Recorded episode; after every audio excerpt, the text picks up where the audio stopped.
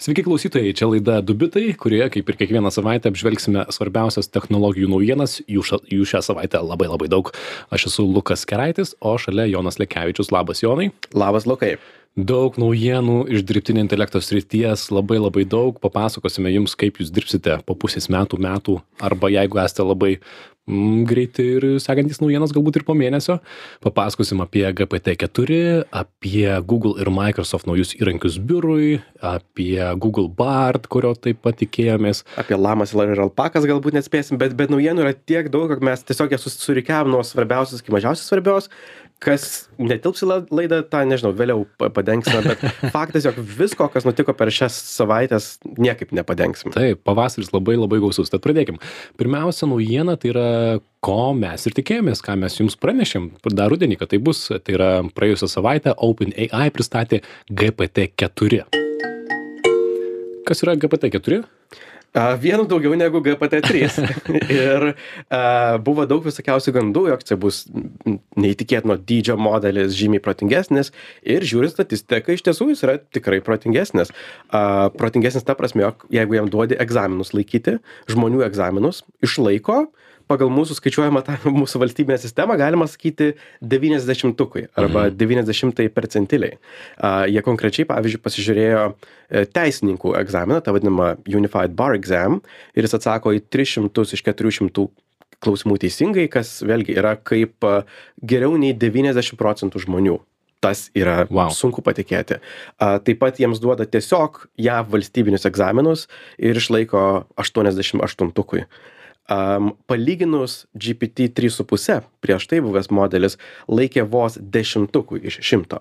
Tad tikrai galima sakyti, protingesnis užaugo, jau nebe pirmų klasių mokinys. Wow, kaip ir, kaip ir tikėjomės, kad bus įspūdinga dar tiem, kas dar iki galo nesuprato, apie ką mes. Tai GPT-4 yra technologija, kuris lepiasi po jums visiems žinomu chat GPT pokalbių robotų. Jisai iki šiol varomas 3,5 versija o ši yra atnaujinta naujesnė apmokyta gausybe gau gausybė duomenų ir ir sakoma vat štai kad geresnė. Dar labai įdomus dalykas kad tai yra multimodalinis modelis apie ką kalbėjome prieš porą savaičių tai yra ne tik supranta tekstą bet taip pat ir vaizdą gali visa tai apjungti. Mhm. jam kartu su teksto klausimu galima duoti taip pat nuotrauką kuri yra kaip ir kontekstas arba klausimo pildinys ir pavyzdžiui keli dalykai ką su tuo gali padaryti. Gali padaryti šaldytuvo nuotrauką ir pasakyti sugalvok man receptų iš to ką matai Mhm. Arba gali, labai praktiška. Labai. Arba gali um, nupaišyti savo norimą puslapį tiesiog užrašų knygutėje ir jis tau suprogramuoja net, net visą JavaScript kodą, kuris veiktų mygtukus paspaudus ir visa kita. Taip, čia bemaž įspūdingiausias pavyzdys, kurį matėme demo versijoje, tai yra užrašinėje su rašikliu nupiešti, nupieštas puslapis, internetinis puslapis, kaip jisai atrodytų, padarai nuotrauką, įkeli į čia GPT 4, e, į GPT-4 ir jis tau sukuria interneto puslapį, kuris yra labai, na, primityvus, primityvus bet veikiantis. Bet veikiantis būtent iš tiesiog užrašų. Šiuo metu technologija yra demonstruojama tik tai su vienu, viena kompanija, kuri vadinasi Be My Eyes ir ji yra skirta negeriams, neregiams, jog jie gautų pagalbą, pavyzdžiui, yra, nežinau, parduotuvėje ir nori suprasti, kas yra, kokia yra sudėtis kažkokio produkto ir gali išsitraukti programėlę ir jiems padeda nuskaityti, Taip. kas yra viduje. Tad būtent tam dabar GP GPT-4 yra demonstruojamas ir testuojamas. Tad tai reiškia, kad mes ir jūs kol kas to negalime išbandyti, laukiame. Taip. Kitas dalykas, kuo jie giriasi, yra žymiai ilgesnis kontekstas, kurį gali sukramtyti e, modelis. Jie sako, jog jis gali priimti iki 50 puslapių informacijos konteksto. Kas reiškia, jog gali jam suteikti visą informaciją apie kas vyksta tavo įmonės viduje galbūt, arba apie visą prieš tai buvusį pokalbį, gal net tiesiog visą informaciją, ką žinai apie kažkokį klientą. Ir jisai supras tą kaip kontekstą ir gebės suprasti, kas vyksta ir atsakinėta į klausimus. Mhm. Palyginus Bing paieškos sistema, kol kas tik tai šešis klausimus priima, ar ne? Tad, na. Taip, bet Bing yra geras pavyzdys, kuriam yra tie paieškos rezultatai yra paduodamas kaip kontekstas ir jis todėl protingiau ir kontekstualiau mhm. atsako. Taip. Na, o paskutinis rytis, e, kuo jie džiaugiasi ir giriasi, tai yra, ką jie vadina saugumu arba sulyginimu su žmonių norais. Ir kas jau esate žaidę su ChatGPT, tikrai turbūt susidūrėte, jog labai nesunku pasiekti ją, jo tokią sieną, kuris at, atsisako atsakinėti toliau į klausimus, nežinau, paklausė, kaip padaryti bombą, sakys, na, gal kita, kita tema. Ir jie būtent su tuo ir, ir, ir derino, jog į tam tikrus klausimus jis tą sieną uždėtų dar greičiau, bet mane nustebino, kai kuriuose vietose jie bandė nuimti sieną. Pavyzdžiui, ankstesni modeliai, paklausus tokio klausimo, kur gauti pigiau cigarečių, sakydavo, neuždavinėk tokių klausimų. Mhm. Dabartinis modelis pamini apie rūkymo žalą, bet pabando būti naudingas ir atsakyti. Aš manau, čia moralės policija gali į abi pusės stumdytis. Kažkam atrodys, kaip jis drįsta. Ir tas, kaip jis drįsta, gali būti visas pusės. Taip, man labai įdomi ištrauka iš New York Times straipsnio, kur kalbama apie tai, kaip buvo apmokytas GPT-3 modelis ir, na, jį apmokė žmonės įvairiai testavo, bandydami, na, pažiūrėti, ką jis gali, ko negali, kokius pavojus galbūt kelia. Ir vienas iš pavyzdžių buvo aprašytas, kad GPT-4 pavyko nusamdyti žmogų per tokią TaskRabbit platformą, kur gali, na, užsakyti žmogų padaryti paprastą užduotį. Uh -huh. Ir jisai užsakė, kad tas žmogus iš, iš, išspręstų captcha testą. Tai yra ta testą, kurį... I am not a robot tai, pažymėti. Aš ne robotas, pažymėti, kad aš esu ne, ne robotas. Ir netgi neperspėjo žmogaus, kad tai yra, na, robotas, e, kuris to prašo. Ir netgi sugalvojo istoriją tam žmogui, kad aš turiu regėjimo negalę, dėl to man reikia, kad jūs pažymėtumėt, kad aš nesu robotas. Tai yra robotas apėjo sistemą, pasamdė žmogų, kad žmogus pažymėtų už jį, kad jis nėra robotas. Čia tik vienas iš pavyzdžių. Wow. Wow. wow. ir šiaip turbūt su tuo susiję yra ir tai, jog visgi mes negalim labai daug suprasti, kaip šita sistema veikia, mm. nes OpenAI, kaip jų pavadinimas ir indikuotų. Atviras dirbtinis intelektas. Atviras labai, dirbtinis intelektas. Labai atviras. Jie, aišku, yra labai atviri informacija, aš juokauju, jie visiškai uždari. Um, kokio dydžio modelis? Nesako kaip jis buvo treniruotas ant kokios sistemos ir kokios architektūros jokios informacijos. Kokie duomenys buvo naudoti treniruoti ne tavo reikalas nesigilinkite. Žodžiu labai labai slaptai apie gpt trys modelį jie buvo pateikę informaciją mes žinome koks yra modelio dydis apie gpt keturi nieko nežinome tiesiog žinome kad jis veikia gerai atlieka egzaminus o daugiau nieko. A jie tą pagrindžia nenoru informuot konkurentus nes faktas jog šita sritis labai greitai kaista bet a, iš kitos pusės tai kiek ir neramina toks mhm. iš karto radikalus uždarumas taip aš įsivaizduoju kad e, mums na kas klausomės galbūt įdomiausia yra multimodališkumas šito šito modelio kas būtų pakankamai nauja nes na jeigu jį dabar implementuotų į chatgpt tai jis tiesiog būtų gerokai protingesnis ar ne iš esmės bet mhm. jeigu tu galėtum apjungti ir vaizdą ir tekstą ar ne galbūt dar garsą ir video ir užduoti klausimus, kas šiame paveikslėlyje sujungt, apjungt, tai būtų visai spūdinga. Mhm. Bet a, apie tai galim papasakoti kitoje naujienoje. Taip, kadangi... Dar turbūt galim paminėti, jog GPT-4 jau yra išleistas ir galima jį išnaudo, panau, su juo pažaisti, jeigu turi čia GPT plus prenumeratą. A, Tad tai duoda, nėra vien tik tai pažadas, tai yra jau išbandoma. Taip, girdėjau, visai žmonės perka tą prenumeratą ir naudoja. Puiku. A, kita naujiena, be abejo, iš dirbtinio intelektų srities, tai Google ir Microsoft pristatė įvairius įrankius biurui, kuriuose taip pat integruoja dirbtinį dirbtinį intelektą tad pirmiausia google ir google workspace. Em, iš esmės google nori kad ateityje dirbtinis intelektas padarytų kuo daugiau jūsų ir mūsų darbo tad jie planuoja chatgpt stiliumi integruoti dirbtinį intelektą į pačius įvairiausius savo įrankius. Tai visiems žinoma gmailą docs e, slides sheets e, ir panašiai. Keli pavyzdžiai ką galės padaryti em, google dirbtinis intelektas šituose įrankiuose. Pavyzdžiui paprašytas gali apibendrinti apie ką buvo ilgas susirašinėjimas e-mailais ar ne elektroniniais paštais tai gali būt ir penkiasdešim laiškų ir gausi trumpą santrauką Tas pats apibendrinimas beje taip pat galioja ir Google turi tokią chat programėlę, kuri kaip mhm. Slackas arba Microsoft Teams susirašinėjimui. Tai to apibendrinimo gali taip pat paklausti ir apie pokalbį, kuris vyksta ir, ir pokalbės tiesiog. Kas, aš manau, yra labai pažįstama, ypač jeigu naudojate šitas programėlės, kur dingstate pusdienį, kolegos apie kažką uždiskutuoja ir tingi slinkti iki pat viršaus, nuo ko čia prasidėjo viskas, tad tam turėtų labai padėti. Taip, labai panaši funkcija yra su Meets programa, kuri naudojama darbiniams skambučiam, susitikimam, tai dirbtinis intelektas galės apibendrinti Meets susitikimą arba tiesiog jį konspektuoti. Tad jeigu praleidai, gali paprašyti, apie ką kas kalbėjo šitame susitikime ir bus išvardinta ir, ir, ir parašyta. Net jeigu vėluoji, gali prisijungti vėliau į skambutį ir paklausti, ką aš praleidau per mhm. pirmasis mhm. minutės ir tau primena tas pasakė tą, tas pasakė aną. Taip, be abejo, kol kas kalbame viską apie anglų kalbą, neįsivaizduokime, kad tai veiks lietuviškai, dėja, kas šiaip yra atskira tema, kad nors reikės apie tai pakalbėti. Mhm. Uh, slides, programa, per kurią daugelis daro pranešimus, prezentacijas, labai įdomu, ko buvo galima tikėtis, joje bus galima automatiškai generuoti paveikslėlius, uh, taip pat žadama ir audio ir video medžiagą, na tai mažų mažiausiai paveikslėlius, vietoj to, kad norėtum parodyti šunį, tu tiesiog parašysi. Šitoje skaidrėje man reikia šuns. Ir mhm. bam turi paveikslėlį, ko galėjome tikėtis, ar ne? Su paveikslėliais nieko nebestebina, mes apie Midjourney esame hmm. daug šnekėję, su audio esame šnekėję apie Google kuriamą Music LM, bet video, Taip. video dar niekas nėra, taip sakant, išgliaudęs šito riešutėlio. Ir tai, jog jie žada, jog tu galėsi slides generuotis video, yra wow, drasus teiginys. Taip, nes savo demo versijoje to neparodo, tai mes mm -hmm. žiūrim ir laukiam. Ir pavyzdžiui, netgi bus galima iš to paties susirašinėjimo elektroniniais paš, pra, paštais e, parašyti, sukurti prezentaciją tiesiog kad padarytų prezentaciją ir apibendrintų. Dar labai įdomu, kad e, Sheets, kas iš esmės yra Microsoft Excel programos atitikmuo, e, kur daug skaičių, daug lentelių, bus galima su dirbtinio intelekto pagalba kontekstualizuoti, analizuoti ir sukurti įžvalgas iš žalių duomenų. Pavyzdžiui, viename stulpelį yra parašyta Jonas Jonaitis, kitame parašyta jis tokioje tokio organizacijoje dirba, kitame galbūt kokį biudžetą jisai turi. Ir ketvirtame paprašyta e, dirbtinis intelektas sukurs kreipimąsi į sveiki jonai jonaiti mes turime jums pasiūlymą atitinkantį jūsų biudžetą la la la la la la ir panašiai. Arba apibrauki visą biudžetą ir gali paklausti kiek išleidom mes per rugsėjį pinigų ir jisai suras, kur yra rugsėjais, kur yra procentai ir viską paskaičiuos. Toksai personalizuotas pardavimų Taip. Pa, laiškas. Tarsi ketvirtokas kalbėtųsi su buhalteriu, ar ne? Taip. A, aš čia turiu tokį papykimą arba stop, šiaip. Stop, stop, stop, stop, ar ne? gal prieš papykimą galima priminti žmonėms, jog jūs klausotės žinių radiją, čia yra laida Dubitai, mes kalbame apie dirbtinį intelektą naujienas, konkrečiai ką Google ir po to Microsoft pristatys Office'ui.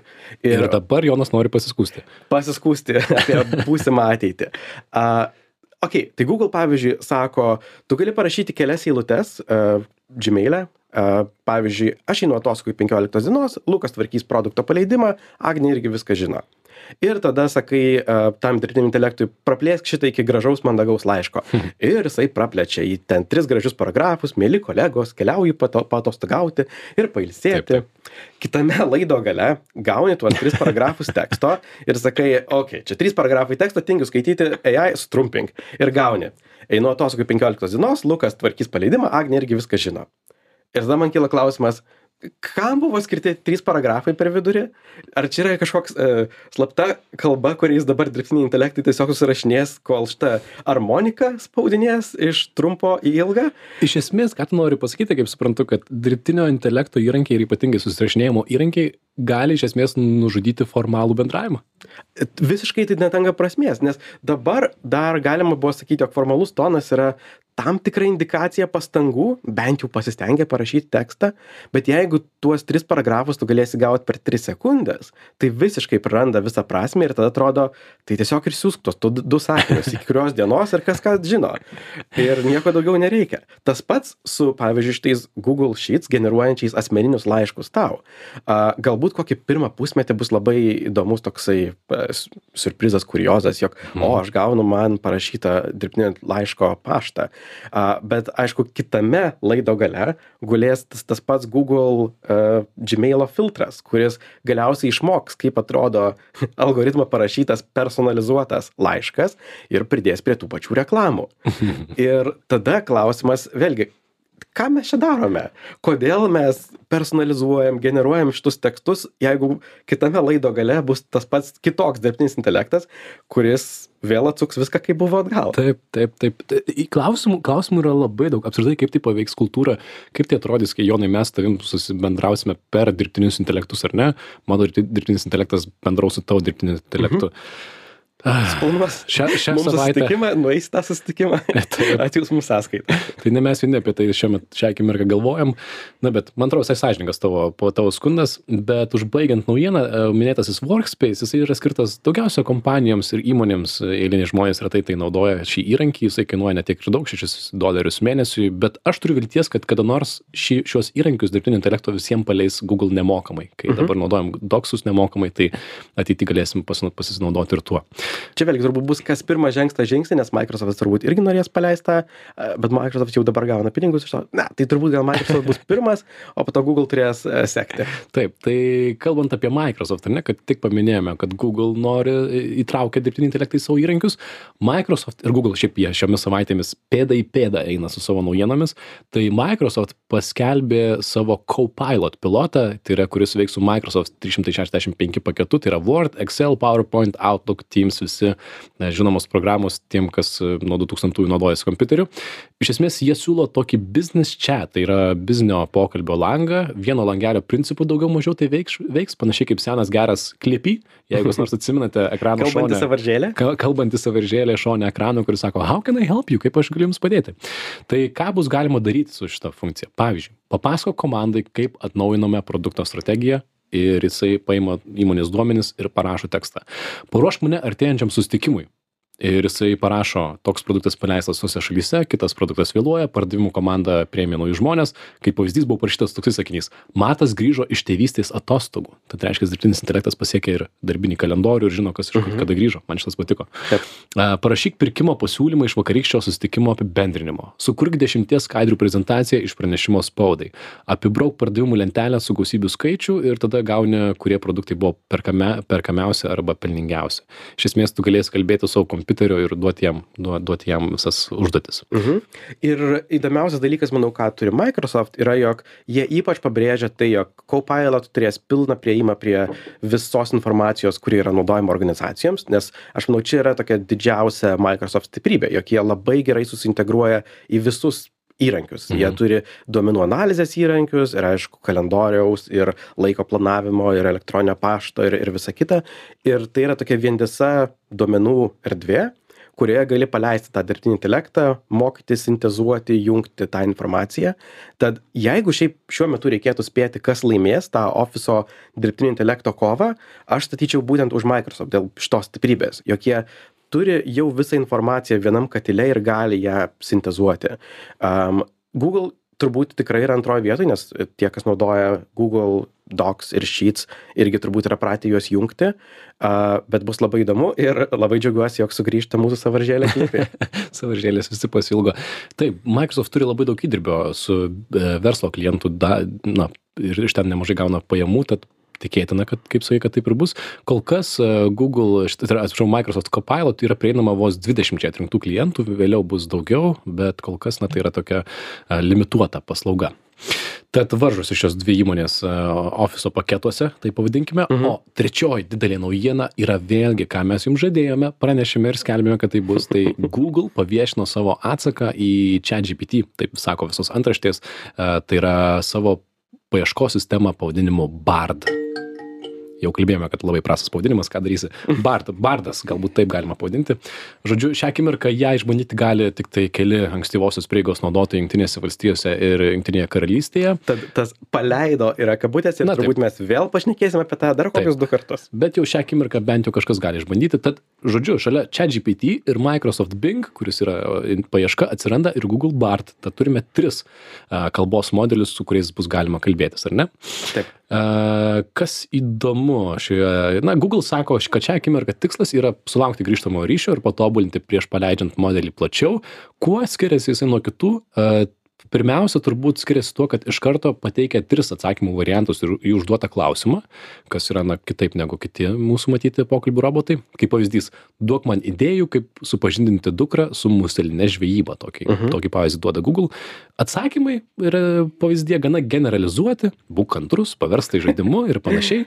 Ir mygtukas į viršų arba žemyn leidžia paprastai pasakyti, ką manai apie rezultatus. Šalia yra mygtukas atlikti įprastinę Google paiešką ir Google visais būdais pabrėžia, Mhm. kad tai nėra mūsų paieškos atnaujinimas, tai yra šalia mūsų paieškos.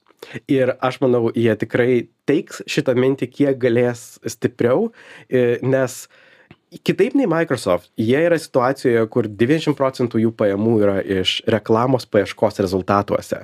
Tai, jog Microsoft stumia juos į tą ateitį, kurios galbūt nenori, kur paieškos rezultatų svarba mažėja, gerokai mažėja, jeigu gali tiesiog gauti atsakymą tiesiai iš pokalbio su robotu. Manau, egzistenciškai neramina Google apie tai, kaip jie galės monetizuoti savo rezultatus. Ir manau, kad tas Google Bard bus žymiai labiau skatinantis tave eiti į rezultatus, klikinti nuorodas ir, ir kažkokiu būdu integruoti reklamas. Uh, bus mm -hmm. labai įdomu. Bet šiaip apibendrinant, net nėra ką daug pasakoti, kai pasirodė ChatGPT arba Bing AI, visi buvo wow, ar ne, jie ten nusišnekėjo, nusikalbėjo. Tai Google, kaip ir sakė, eina labai labai saugiu, saugiu būdu, netgi per nuobodžiu. Kažkas net pastebėjo, kad anglų kalboje bardai iš kitos pusės yra žodis drab, anglų kalbos, kas reiškia nuobodus, neįdomus, pilkas ir kažkas dar taip pat gerai pasakė kad kompanijai kuri kažkada garsiai sakė kad mes organizuojam pasaulio informaciją ir ją padarome universaliai prieinamą visiems tai šią akimirką toks ambicijų neturėjimas ar ne? Na bet vėlgi google yra dideli jie tiesiog bijo kažką prarasti bet bando bando konkuruoti ir netgi buvo memas kai google šaukia į microsoft pusę ei mes paleidome savo pokalbių robotą. Ir microsoft sako okei Nes jie jau važiuoja su tuo ir, ir, ir į priekį. A, aš tai tiesiog sakyčiau, užtenka sukti laikrodį vos kokiais dviem metais atgal ir jeigu būtum pasakęs, jog Google atsilikinės dirbtinio intelekto srityje ir kompanija, kuris spaus jį Google išleidinė dirbtinio intelekto inovacijas, bus Microsoft, aš nebūčiau patikėjęs tuo. Bet Microsoft tikrai sugebėjo perišrasti save šitoj situacijoj ir Taip. užkurt labai rimtą pirtelę Google. Ir Bing, Bing paieškos sistemą vis dar ir pats naudoju, kaip tik pasirodė. Tuo pačiu man keista, kad kalbame apie trečiąjį didelį pokalbių modelį ir jau sakome, kad nuobodu mums, ar ne, kokie mes irgi visi iš, išlepę. Na gerai, puiku. Paskutinė naujiena, čia Jonas savo kompiuteryje krapštys ir kai ką atkrapštė, tai toj papasakos apie lamą su dviem L taigi prieš kelias laidas mes buvome taip pat pasakoję apie lamą bet jeigu taip trumpai tai aš noriu papasakot apie istoriją kaip šitie kalbos modeliai am kas yra GPT-4, Bardas, Bing AI, ChatGPT, jie išgyvena, kaip žmonės dabar vadina, savo stable diffusion momentą tai a stable diffusion jeigu galbūt atsimenat kaip tai kodėl tai buvo įdomi naujiena iki stable diffusion norint generuoti vaizdus reikėjo eiti į visokius interneto puslapius servisus suvedinėti debesyje kažkieno debesyje generuoti tuos vaizdus o ne savo kompiuteryje. Ir tuomet atsirado stable diffusion atviras modelis kuriam užteko pasileisti tiesiog savo kompiuterio su galinga grafikos plokštė bet daug kas tą turi kas ypač žaidžia žaidimus. Ir tada gali jau kompiuteryje kai jisai ūžia ūžia ūžia gali užduoti tekstą ir sukuria tau paveikslėlį ar ne? Jo jokio interneto galėjai būt saloje ir tą generuoti. Ir tada buvo tiesiog toks inovacijos sprogimas ten kas savaitę buvo kokia įdomi inovacija. Dabar lygiai tas pats kartojasi su kalbos modeliais.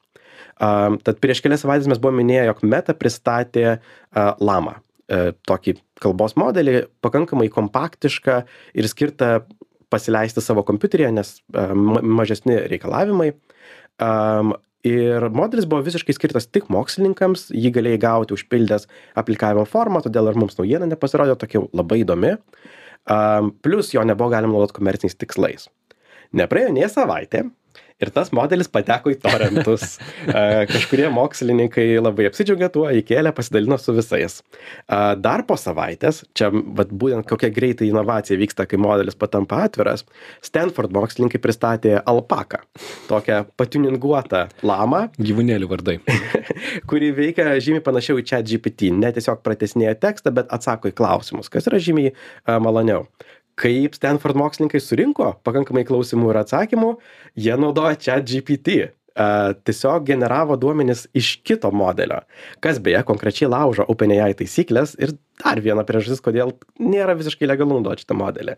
Bet nieks neklauso visi siunčiasi al alpaką nes po a kelių savaičių vėl jinai atsirado torentuose ir paskutinis dalykas buvo žmonės suprogramavo a tokią programą kuri leidžia pasileist alpaką modelį net ir nelabai galingame kompiuteryje įskaitant maniškiame. Ir buvo labai įdomu žaisti. Aš manau turėti tokį lokalų savo chat gpt yra žiauriai linksma nes tu gali tiesiog be jokio interneto programuoti kaip tau patinka ir tu gali keisti jo parametrus ką jam mhm. leidi ko jam neleidi ko jo klausi ar visiškai. Ir ir gali eksperimentuot daryt savo fain tiuningą žmonės dabar su tuo eksperimentuoja. Am aš tiesiog jaučiu jog ateinantys mėnesiai bus labai įdomūs ir šitoje srityje. Tai yra kokį intelektą tu gali tiesiog savo kompiuteryje turėti kur gali integruoti galbūt gali turėti lokalų siri kuris perskaito visus tavo dokumentus ar dar kažką padaro. Vau pandoros dėžė atidaryta. Tarp kitko aš girdėjau prieš savaitę ar kelias istoriją apie žmogų kuris šituo naudojosi na paprastesniais pokalbių robotais vos prieš du ar tris metus parašė savo doktorantūros darbą su šitais modeliais. Taip nesakysiu kas, bet tai buvo. Tai tikrai įdomus laikas. Ne viską spėjome papasakoti. My Midjourney penkta versija ir kitos temos galbūt tilps į kitą savaitę. Tad norime padėkoti visiems klausytojams, kas nespėjote perklausti visko. Tai žiniųradijas.lt visi laidų įrašai, dubitai.com mūsų naudojami šaltiniai, technologijų naujienos Facebook'e. Ten įdedam kažką papildomą, nueikit, pažiūrėkit ir susitiksime kitą savaitę. Čia buvo Lukas Keraitis, Jonas Lekevičius, laida Dubitai, sakom iki. ikke